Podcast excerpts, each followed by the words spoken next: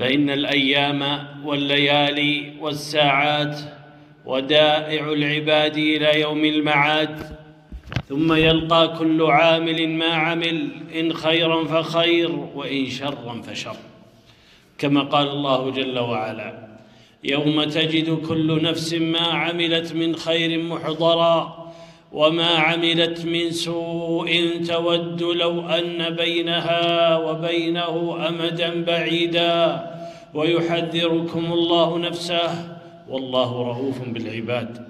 وإن العاقل يبادر أيامه بالتقرب لله والتوبة من الآثام وأداء حقوق العباد حتى يلقى الله خفيفا لم تثقله الخطايا. ولم ترتكسه الأوزار فيكون في ذلك اليوم العظيم من السعداء.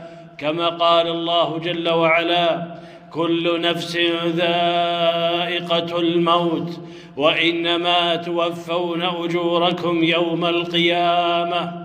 فمن زحزح عن النار وأدخل الجنة فقد فاز. وما الحياة الدنيا إلا متاع الغرور. وإن من الأيام التي ينبغي للمسلم أن يبادر لاغتنامها أيام شهر شعبان فإنه موطئ لشهر رمضان فإن من أقبل فيه على الله كان ذلك سبب فتح الباب له في شهر رمضان شهر الإيمان والقرآن. والنفوس تحتاج إلى الرياضة.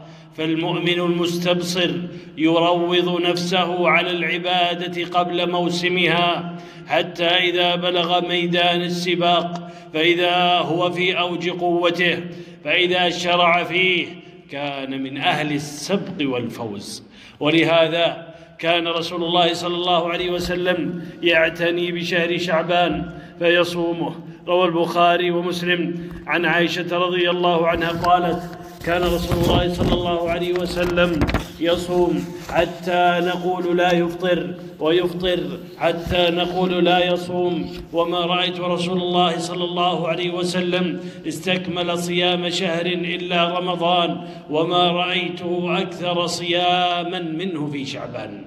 قال ابن رجب رحمه الله صيام شعبان أفضل من صيام الأشهر الحرم وأفضل التطوع ما كان قريبا من شهر رمضان قبله وبعده وتكون منزلته من الصيام بمنزلة السنن الرواتب مع الفرائض قبلها وبعدها وهي تكملة لنقص الفرائض وكذلك صيام ما قبل رمضان وبعده كما أن السنن الرواتب أفضل من التطوع المطلق بالصلاة فكذلك يكون صيام ما قبل رمضان وبعده أفضل من صيام ما ما بعد عنه.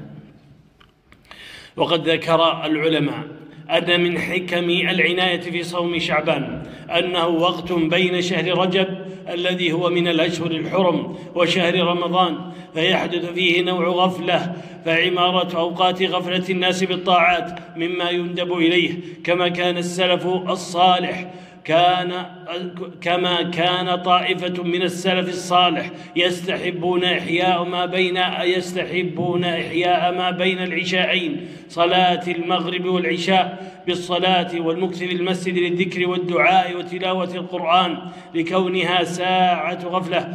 ومثل هذا استحباب طائفة من العلماء ذكر الله عند دخول السوق لأنه موطن غفلة. ومثل ذلك الندب إلى صلاة الضحى لأن ذلك وقت لأن ذلك وقت غفلة لأن ذلك وقت غفلة. ومثل الندب إلى قيام الليل لأنه وقت غفلة وهكذا أوقات الغفلات.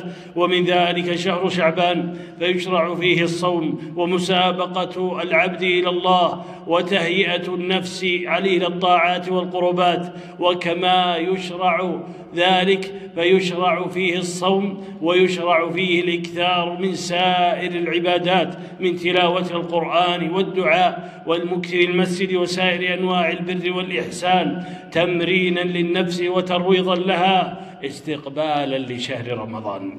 فليبادر كل مسلم لإصلاح نفسه وتهذيبها في هذا الشهر قبل دخول شهر رمضان وليبادر بأداء الحقوق الواجبة لله من زكاة ونحو ذلك أو حقوق للعباد معنوية أو مادية حتى إذا دخل عليه شهر رمضان فإذا هو قد هيأ نفسه لذلك بالحسنات الكثيرة والقربات العديدة وقد تخفف من آثامه وأوزاره وقد اعتادت نفسه الطاعة والعبادة فيكون ذلك سبب حسن إقباله على ربه وذوقه حلاوة مناجاته وقربه ما يكون بذلك الفوز والفلاح في الدنيا والآخرة. إن من أحكام شهر شعبان وجوب المبادرة إلى قضاء الفائت من صوم شهر رمضان قبل حلول الشهر. ومن أحكامه أنه لا ينبغي أنه لا ينبغي الصوم إذا انتصف شهر شعبان لمن لم يكن له عادة أو صوم أو أنه قد صام النصف الأول منه. بذلك قال بعض العلماء واختار ذلك الشيخ عبد العزيز بن باز رحمه الله لما رواه أبو داود في سننه. عن أبي هريرة رضي الله عنه أن رسول الله صلى الله عليه وسلم قال إذا انتصف شهر إذا انتصف شعبان فلا تصوموا. وقال جمع من العلماء أن صوم شعبان في نصفه الأول أو نصفه الآخر يندب له سواء صام أوله أو لم يصم. وقد حكموا بضعف هذا الحديث.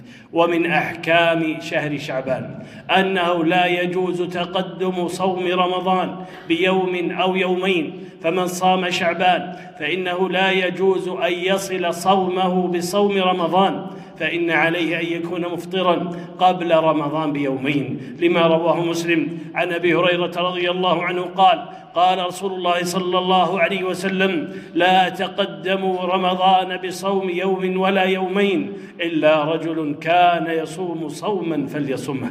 واستدل جماعة من العلماء بهذا الحديث على جواز صيام شعبان بعد انتصافه ولو لم ولو لم يصم أوله. وهذا اختيار الشيخ محمد بن عثيمين رحمه الله. ومن أحكام شهر شعبان أنه يشرع فيه أنه يشرع فيه تحري رؤية هلال شهر رمضان.